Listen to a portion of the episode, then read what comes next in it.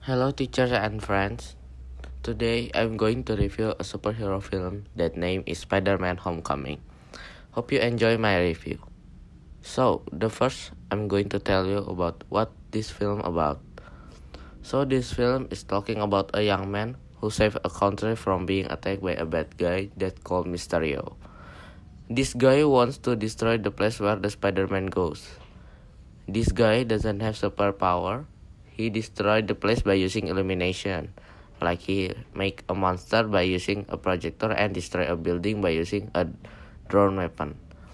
So, the Spider-Man is having a school field trip.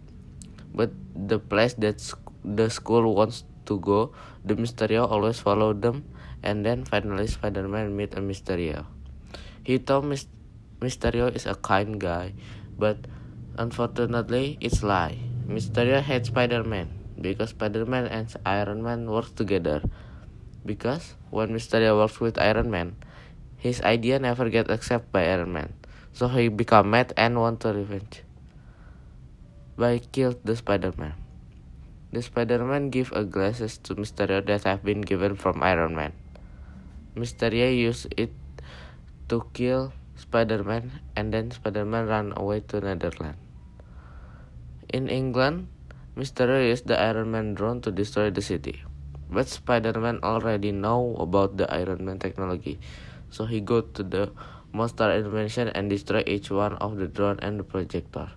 Finally, Spider-Man finds the Mysterio in the middle of the bridge.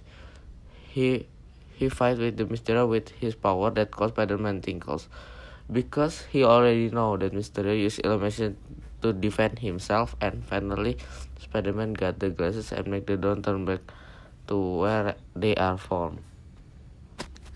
Thank you.